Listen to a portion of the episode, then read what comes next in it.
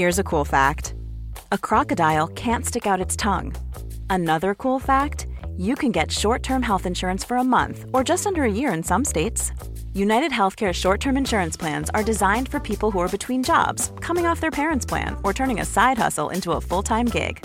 Underwritten by Golden Rule Insurance Company, they offer flexible, budget friendly coverage with access to a nationwide network of doctors and hospitals. Get more cool facts about United Healthcare short term plans at uh1.com. Quality sleep is essential. That's why the Sleep Number Smart Bed is designed for your ever evolving sleep needs. Need a bed that's firmer or softer on either side? Helps you sleep at a comfortable temperature? Sleep Number Smart Beds let you individualize your comfort so you sleep better together. JD Power ranks Sleep Number number 1 in customer satisfaction with mattresses purchased in-store. And now, save 50% on the Sleep Number limited edition Smart Bed for a limited time. For JD Power 2023 award information, visit jdpower.com/awards. Only at a Sleep Number store or sleepnumber.com. Hiring for your small business? If you're not looking for professionals on LinkedIn, you're looking in the wrong place. That's like looking for your car keys in a fish tank. LinkedIn helps you hire professionals you can't find anywhere else, even those who aren't actively searching for a new job but might be open to the perfect role. In a given month, over 70% of LinkedIn users don't even visit other leading job sites. So start looking in the right place. With LinkedIn, you can hire professionals like a professional. Post your free job on linkedin.com slash people today. 1979 hittades en naken kvinnokropp tillhörande en ung kvinna vid namn Janet Chandler ute i skogen i snödrivor. Man visste att hon hade blivit mördad, men fallet blev snabbt kallt. Över två decennier passerade när en grupp studenter tillsammans med sin lärare bestämde sig för att väcka liv i fallet. Inte visste de att deras handlingar skulle vara starten på de processer som skulle krävas för att slutligen få det fruktansvärda svaret på frågan Vad hände med Janet Chandler?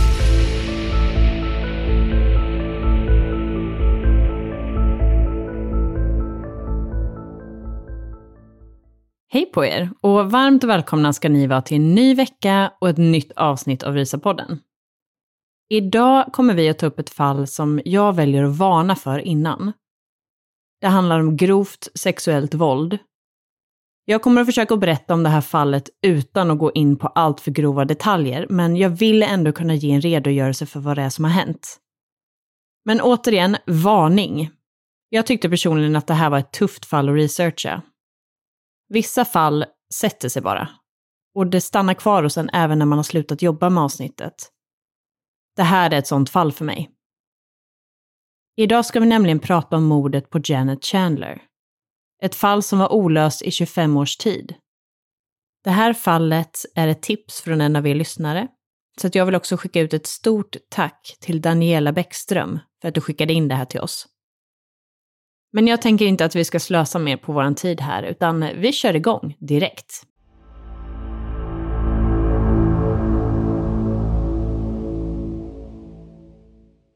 Det här handlar som sagt om en ung kvinna som hette Janet Chandler, som i början av 1979 var 22 år gammal och levde i Holland, Michigan.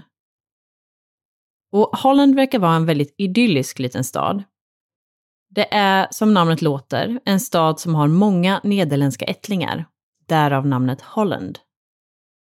Och man ser det här runt om i staden för att det finns flera väderkvarnar och det finns 6 miljoner tulpaner som växer i staden. Det är något av en turistattraktion. En liten intressant fakta är att skulle du få för dig att plocka en sån här tulpan, en av 6 miljoner, så skulle du få böter på 50 dollar för en tulpan. Så jag kan i alla fall tänka mig att det här är jättevackert och googlar man på det så ser man hur det kan se ut. Superfint. En allmänt idyllisk stad låter det som och det ligger i närheten av både Lake Michigan och Lake Makatawa. Här bor då Janet Chandler och hon har växt upp med sin mamma Glenna, pappa James och hon har två bröder, James Jr och Dennis. Och det här är en kristen familj och hennes uppväxt har varit ganska konservativ och beskrivits som ganska skyddad. Och det är väl lite så som Janet själv beskrivs också, skulle jag säga. Hon gick på Hope College, som även det är en ganska konservativ och kristen skola. Hon sjöng i kyrkokören och hade en fantastisk röst. Hon sjöng opera bland annat. Hennes föräldrar beskriver i en dokumentär som jag kommer att prata lite mer om sen, att när hon sjöng inne i sitt rum så kunde det samlas grannar utanför, bara för att få lyssna på hennes vackra röst. Och den är väldigt vacker. I den här dokumentären, som jag redan har börjat tjata om, så får man höra henne sjunga. Och det är... Hon hade en riktigt mäktig röst, får man säga. En liten tjej med stor röst. Hon har beskrivits som väldigt troende, lite ensam och hade inte jättelätt att få kompisar. Och hon hade det ganska kämpigt med studierna. Hon var också känslig för kritik. En av hennes pianolärare har beskrivit att det hände ganska ofta att hon lämnade klassrummet gråtandes efter att hon har fått något som hon uppfattade som kritik. Hon drömde om att antingen jobba med att sjunga opera eller bli musiklärare. Hon var 22 år i början av 1979 och hade kommit in i en ny fas i livet, tagit steget ut i vuxenlivet. Hon hade skaffat en lägenhet med sin bästa kompis som hette Laurie Swank. Laurie var chef på ett motell i Holland som hette Blue Mill Inn. Under hösten 1978 så fick Janet ett jobb där som nattreceptionist. Och det här beskriver hennes föräldrar att det här var någonting som de inte var jätteförtjusta i. Just nattjobb kändes inte särskilt säkert och hennes pappa hade besökt henne på jobbet och tyckte inte riktigt att stämningen som var där verkade särskilt trevlig. Men de litade på sin dotters omdöme och hon jobbade på det här motellet. Det som sedan hände var i januari, slutet av januari 1979. Det var väldigt kallt och snöigt i Holland och Janet hade då jobbat ett par månader på det här motellet.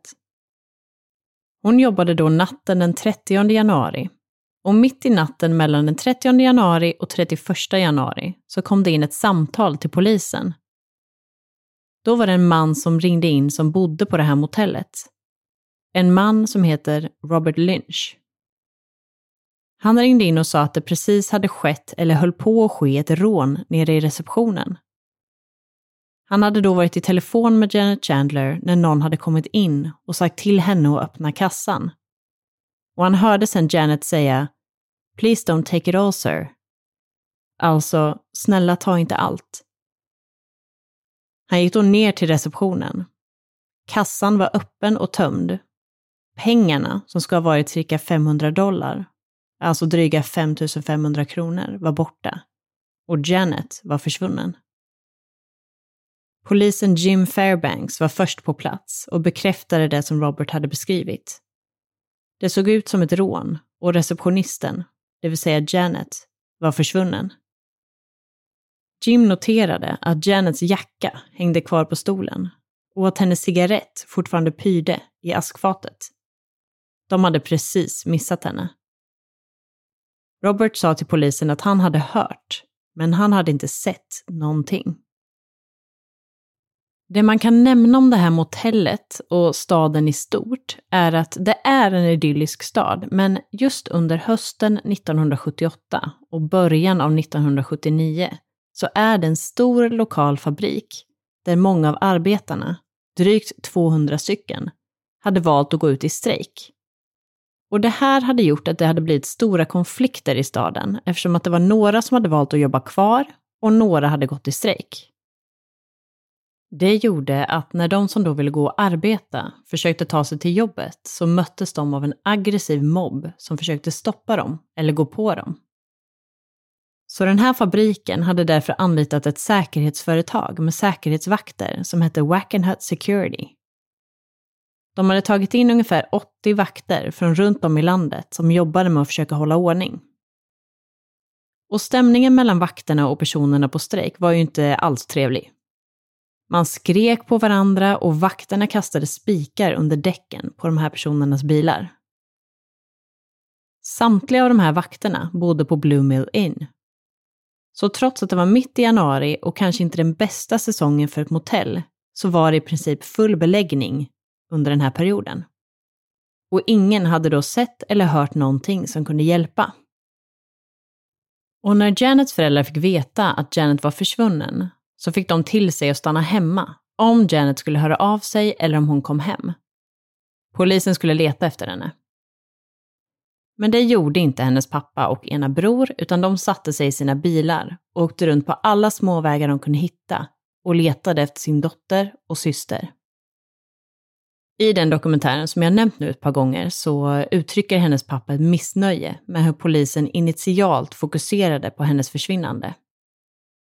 Han upplevde att utredningen mer lutade åt att hon skulle ha rymt hemifrån eftersom de ställde frågor som vart skulle hon kunna tänkas ha tagit vägen? Men tyvärr har inte Janet rymt och försvinnandet får istället ett abrupt slut redan ett dygn senare. Det var klockan ett på natten den 1 februari när en man i snöplog var ute och arbetade med att ploga en motorväg i närheten av South Haven i Michigan. Han märkte då färska däckavtryck i snön.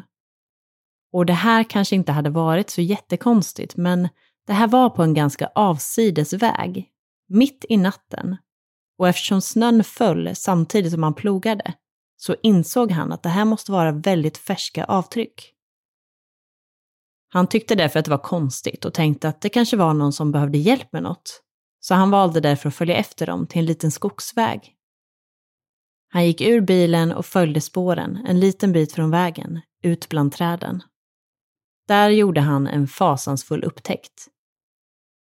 Halvt begravd under snön låg en naken, död kvinna. Man kunde senare identifiera kroppen och den tillhörde 22-åriga Janet Chandler. Janets pappa berättade i den här dokumentären att han befann sig på flygplatsen med en kompis som var pilot och som hade erbjudit sig att flyga över området för att se om han kunde hitta Janet när de fick veta att hennes kropp hade hittats. Dennis, Janets bror, berättar i samma dokumentär att han precis hade kört hem hans dåvarande flickvän, numera fru, till sin mamma. Och flickvännens mamma berättade då för honom att hans syster hade hittats död. Obduktionen visade att Janet hade blivit strypt, bunden vid armar och ben och haft munkavel på sig under en längre tid innan hon dog till följd av strypning. Det fanns också bevis på så kallad sexuell aktivitet, alltså i det här fallet att hon hade blivit utsatt för våldtäkt. Det som var dödsorsaken var att hon blev strypt med någon form av objekt. Och det här gjorde ju polisen lite chockade, eftersom att de hade sett det som ett rån och kidnappning. Och helt plötsligt blev det ett väldigt grovt brott. Och tankarna gick till att det här kanske var mer personligt än ett rån där man på ett infall får för sig att kidnappa en kvinna. Janet begravdes sen i samma kyrka där hon tidigare hade sjungit i kör. Och hon sjöng även på sin egen begravning. Man spelade upp ett band av henne när hon sjöng en sång som heter My Jesus. Hennes föräldrar har sedan den dagen inte kunnat lyssna på de här inspelningarna. Det gör för ont. Polisens jobb fortsatte och de utredde fallet och pratade med alla Janets vänner, kollegor och familjemedlemmar. Men inga avgörande ledtrådar kom fram. Ingen förstod vem som skulle kunna göra så här mot Janet. Det fanns inte heller så mycket att gå på, varken utifrån vittnesmål eller fysisk bevisning. Det var också väldigt oturligt för att den här strejken som vid den här tidpunkten hade hållit på i flera månader tog slut två veckor efter att Janets kropp hade hittats. Vilket gjorde att alla de här vakterna som bodde på det här motellet åkte hem. De spreds över hela USA. Så alla de som eventuellt hade kunnat komma in med ny information fanns inte på plats. Initialt är det cirka 100 poliser som jobbar med det här fallet och allt eftersom tiden gick så minskade arbetsgruppen. Tiden gick och fallet kallnade. Och på polisstationen så blev en bild på Janet hängande för att påminna poliserna om tjejen som blev brutalt mördad, men vars mördare gick fri. De kommer tillbaka till fallet vid ett par tillfällen, bland annat i samband med gripandet av en seriemördare. I samband med att han greps så erkände han nämligen mordet på flera unga tjejer och det visade sig att han skulle ha bott i Holland 1981, alltså två år efter att Janet mördades. Däremot kunde man inte knyta honom till Holland 1979. Men man undersökte möjligheten, men kom fram till att så inte var fallet. Det går nästan 25 år utan svar kring vad det var som hände Janet. Och här hade ju historien kunnat sluta, om det inte vore för några studenter från Hope College. Samma skola som Janet själv hade gått på.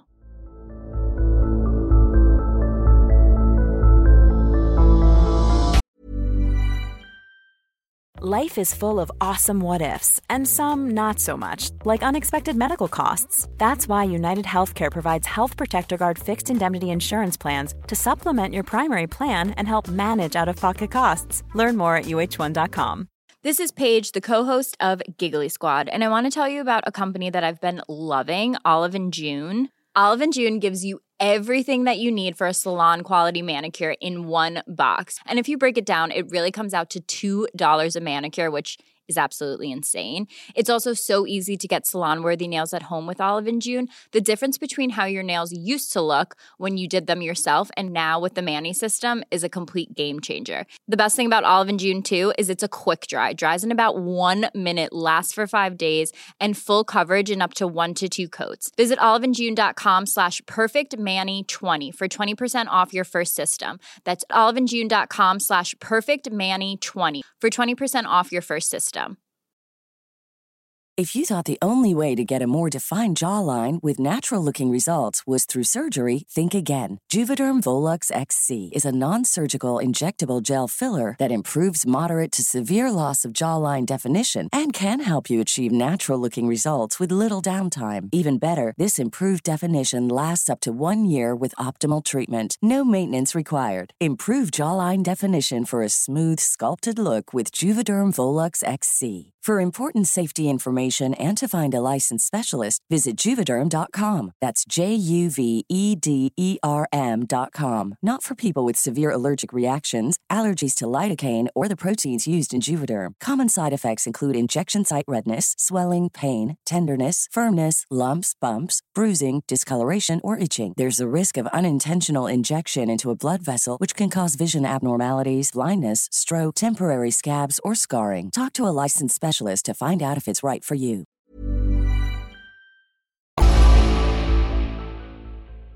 Det var under 2003 som en filmprofessor på Hope College som heter David Shock höll på med ett projekt där han intervjuade poliser för att se hur journalister och poliser kunde jobba bättre tillsammans för att underlätta polisutredningar och hjälpa varandra.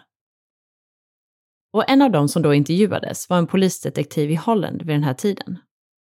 Och den här polisen var på väg att gå i pension. En fråga som David då frågade honom var om han hade ett fall som skulle finnas kvar med honom, som han inte kunde släppa. Han pekade då på bilden på Janet Chandler som hängde på en vägg. Det här väckte nyfikenhet hos David och han hade då ett antal elever som han föreslog att som projektarbete skulle de göra en dokumentär om Janet.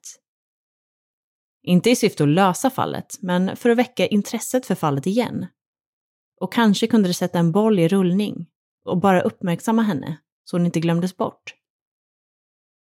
Det här gjorde studenterna oerhört bra och det här är då dokumentären som jag har nämnt nu ett par gånger. Det är en kort dokumentär som heter Who Killed Janet Chandler?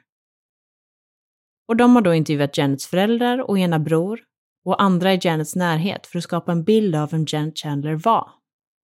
Och en av de här studenterna har också beskrivit att de blev så rörda av att Janets föräldrar, som vid det här laget började bli till åren, att de var så villiga att öppna upp och berätta om sin dotter, även om man förstod att det var jättejobbigt. Och det märker man också i dokumentären. De har svårt att hålla tillbaka tårarna när de pratar. Vid tillfället för intervjun så tog föräldrarna även fram en låda med saker som tillhörde Janet. En låda som de inte hade rört på 20 år. Studenterna kände då ännu mer att det här var ett fall de ville hjälpa till att lösa. Dokumentären sändes nästan på dagen när det hade gått 25 år efter mordet på Janet. Den spelades upp i januari 2004 och många i Holland valde att gå och titta. I publiken så satt en polis som, när mordet begicks, var ny inom poliskåren. Så han kom ihåg fallet, men han jobbade aldrig aktivt med det.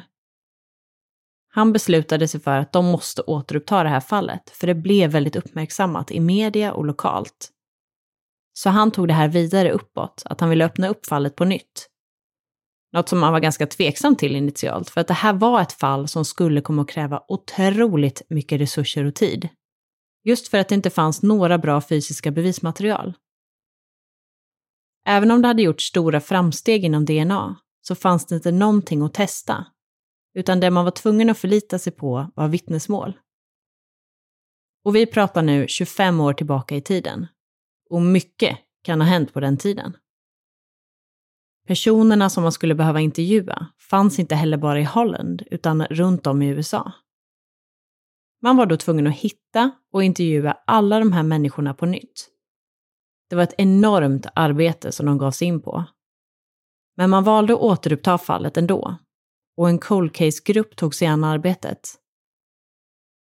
Glenna och James gick då officiellt ut och tackade de här studenterna och läraren David som uppmärksammat Janets fall, vilket ledde till att fallet öppnades upp på nytt. Något som de inte trodde skulle ha skett annars. Den som ledde den här cold case-gruppen hette John Slenk och han satte då ihop det han kallade för ett dream team av erfarna utredare. Utredarna som fick det här stora uppdraget insåg ju ganska snart att de behövde prata med alla de här vakterna som bodde på Blue Mill Inn. Det var där hon försvann ifrån och någon måste ha hört eller sett någonting mer.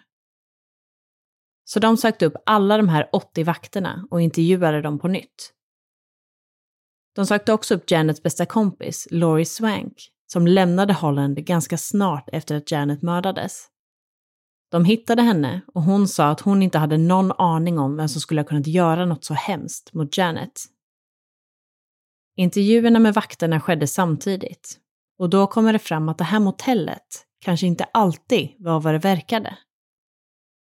De här vakterna kom inte bara hem från ett 12 timmars arbetspass och sov, utan motellet hade i princip kallats för ett näste av synd Vakterna kom tillbaka och det festades vilt på motellrummen.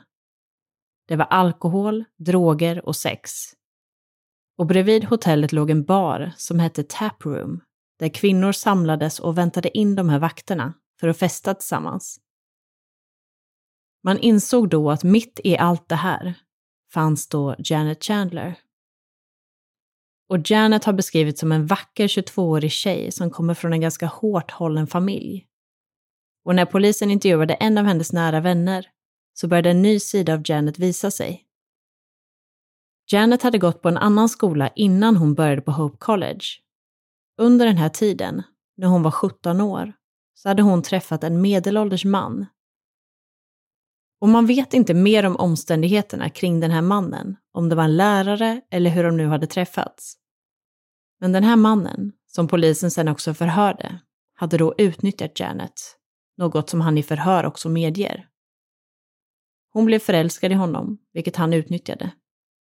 Och de hade en sexuell relation och Janet brukade då smyga in den här mannen i sitt sovrum när hon bodde hemma hos sina föräldrar för att ha sex två gånger i veckan. Enligt den här vännen så beskriver hon att runt den här tiden så förändrades Janet.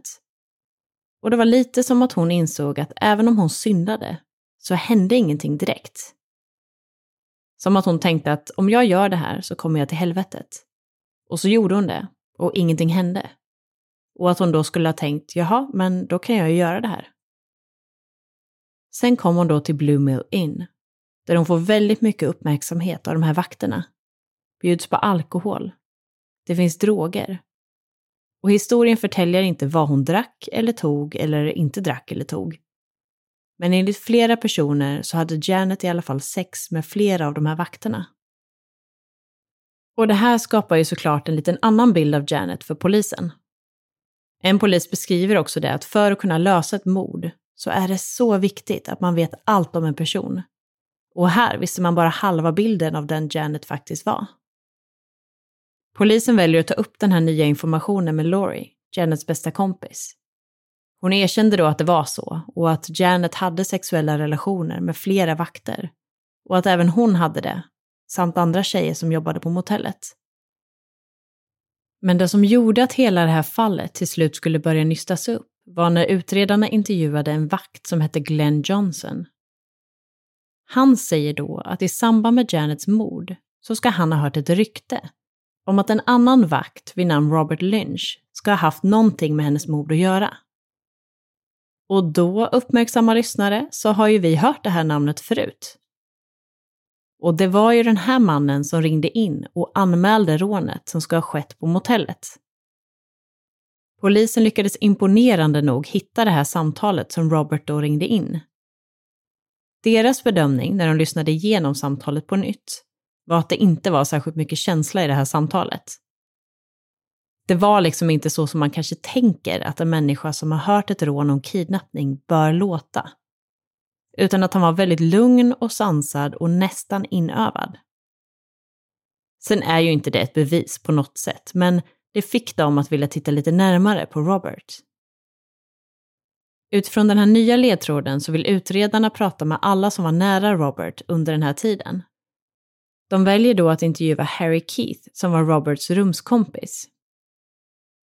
Utredarna hade som strategi att visa den här korta dokumentären för alla de intervjuade, för att på så vis påminna dem om den här tiden. När Harry ser den här dokumentären så blev han lite rörd när han såg en specifik bild på Janet. Han sa då att det var han som hade tagit den bilden och så tog han fram ett fotoalbum och visade massa bilder från den här tiden. Massa bilder på fester och Janet är med på många av bilderna. Och även Robert. Utredarna var sedan redo att intervjua Robert, som hade flyttat till en stad cirka 45 minuter från Holland. Han hade en fru och tre barn. Han och hans fru hade öppnat en skönhetsskola som verkade framgångsrik och hans döttrar var vuxna. Den ena dottern ska ha varit i samma ålder som Janet var när hon dog. Alltså tidiga 20-årsåldern. Robert var alkoholist. Han hade druckit i många år och han ville inte prata med polisen och erkände ingenting. En av utredarna som är med i den här cold case-gruppen heter Jeff Floor och han togs med i gruppen för att han hade en otrolig förmåga att, enligt beskrivningar, knäcka misstänkta i förhör. Trots det så tog det ganska många förhör innan Robert yppade någonting. Jeff valde då på nytt visa den här dokumentären för Robert och spelade på hans egna faderskänslor. Han sa, kolla på pappan. Det kunde lika gärna varit du som satt där. Förstår du? Robert bekräftade honom i det och Jeff fortsatte då. Du har egna barn, visst? Robert svarade då att han har tre barn. Jeff frågade då, kommer du ihåg första gången ni åkte någonstans och du tappade bort ett av barnen? Robert bekräftade det här. Jeff fortsatte. Kommer du ihåg känslan i kroppen? Föreställ dig nu att det här handlar om din 22-åriga dotter. Och det funkade. Robert får ur sig en mening. Allt hade handlat om en fest som urartade. Det här var ju då någonting nytt för polisen, för de visste ju ingenting om en fest just den här kvällen. Det var det första de hade hört om det. Det tar ytterligare ett antal förhör innan Robert är villig att berätta mer än så. Men slutligen så bryter han ihop och berättar allt. Den fruktansvärda sanningen som legat gömd i 25 års tid. Här vill jag nu återigen påtala att nu kommer vi att prata om grovt sexuellt våld och känner man att det blir tufft att lyssna på så ska man spola förbi de närmsta minuterna. För här kommer vad som faktiskt hände med Janet den här snöiga vinternatten 1979. Robert berättade att allt det här började egentligen med lite av ett kärleksdrama. Det fanns nämligen en person som hette Arthur Paiva och han var chef över vakterna. Han var den som ansvarade för vakterna och som anställde personal. Han bodde inte på Blue Mill Inn utan i en stuga på marken som ägdes av fabriken. Arthur hade en relation med Janet som Janet valde att avsluta. Enligt vissa källor så ska det avslutats för att Arthur var våldsam. Men hon fortsatte att träffa andra vakter. Samtidigt som Arthur trånade efter Janet så var det som så att Janets bästa kompis Laurie trånade efter Arthur. Så hon berättade då för Arthur att Janet strulade runt med alla de här vakterna. Och det tog inte han särskilt bra alls. Han ska väl i princip ha sagt till Laurie att han skulle ta hand om det och lära henne en läxa. Han lyckades då övertyga de andra vakterna om att de skulle hålla en fest till Janets ära. En fest för att lära henne en läxa. Den här så kallade festen skulle hållas i Arthurs stuga. Så för att få iväg Janet dit så fick Robert och en annan man vid namn Bubba Nelson i uppdrag att gå till receptionen där Janet jobbade och där berättade de för henne att de hade anordnat en fest i hennes ära. Så för att det skulle vara en överraskning så ville de sätta på henne en ögonbindel. Janet, som trodde att hon befann sig bland vänner, blev glad och lät sig frivilligt få på sin ögonbindel och ledas till bilen. När de kom fram till stugan så togs Janet till övervåningen och blev avklädd och bunden. Hon fick även tejp över munnen. Och här började den fruktansvärda mardröm för Janet som skulle pågå i ett dygn för att sen få ett brutalt slut. Robert berättade i förhör att han lämnade Janet på festen och åkte tillbaka hem för att sova. Han ringde ju också, som vi vet, till polisen och gjorde sin falska anmälan. Men sen sov han och gick till jobbet. Efter jobbet åkte han tillbaka till Arthurs stuga och där var festandet igång. Vi pratar alltså 31 januari och sen eftermiddag eller kväll. Så notera då att Janet hade kommit dit runt midnatt natten till 31 januari. Så det hade gått många timmar. På nedervåningen var det god stämning, men gick man en trappa upp så var det något helt annat. Där inne befann sig flera personer, både män och kvinnor.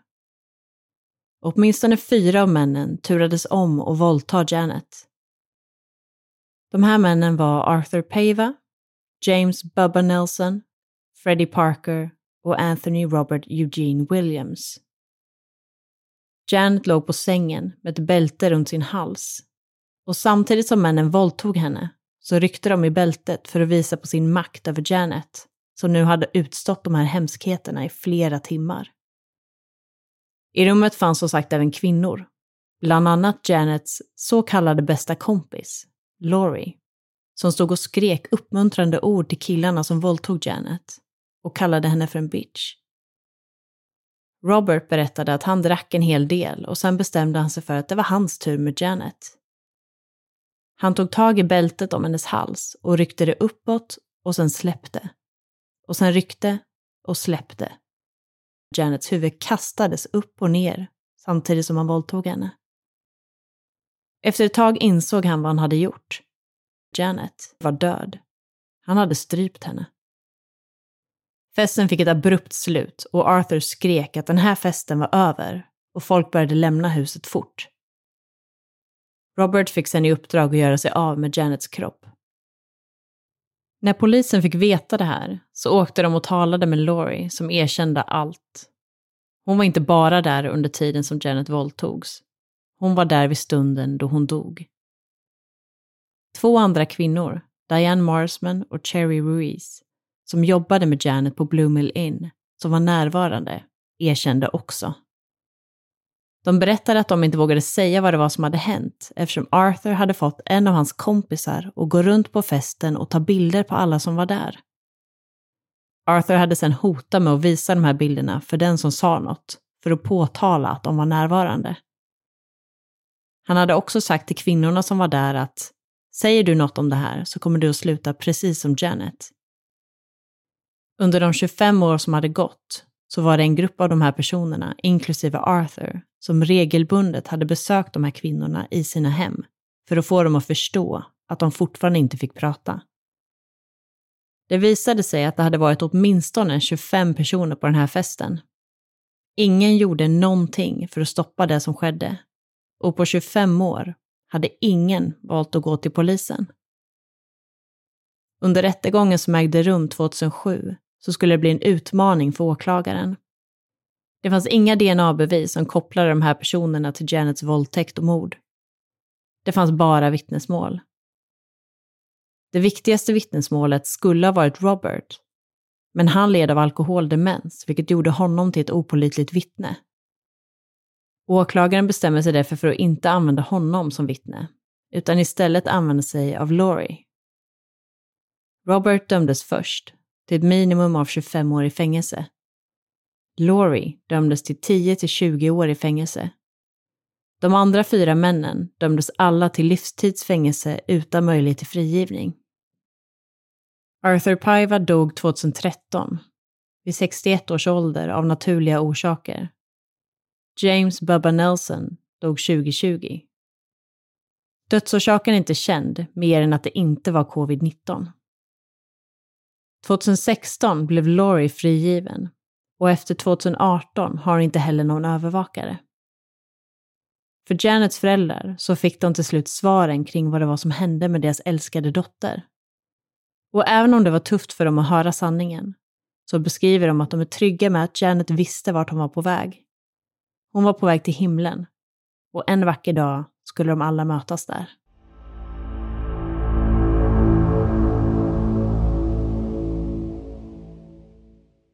Nej, men det gör så ont.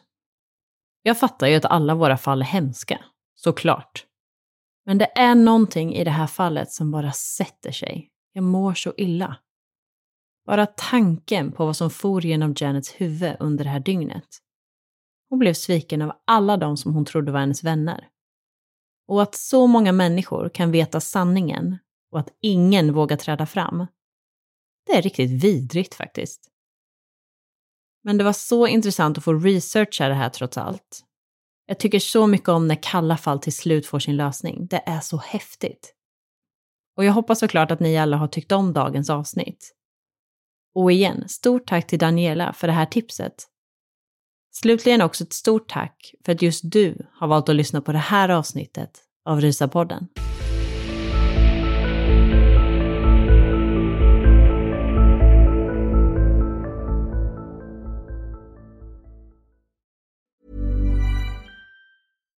when we're on a budget we still deserve nice things. Quince is a place to scoop up stunning high-end goods for 50 to 80% less than similar brands. They have buttery soft cashmere sweaters starting at $50, luxurious Italian leather bags, and so much more. Plus, Quince only works with factories that use safe, ethical, and responsible manufacturing. Get the high-end goods you'll love without the high price tag with Quince. Go to quince.com/style for free shipping and 365-day returns.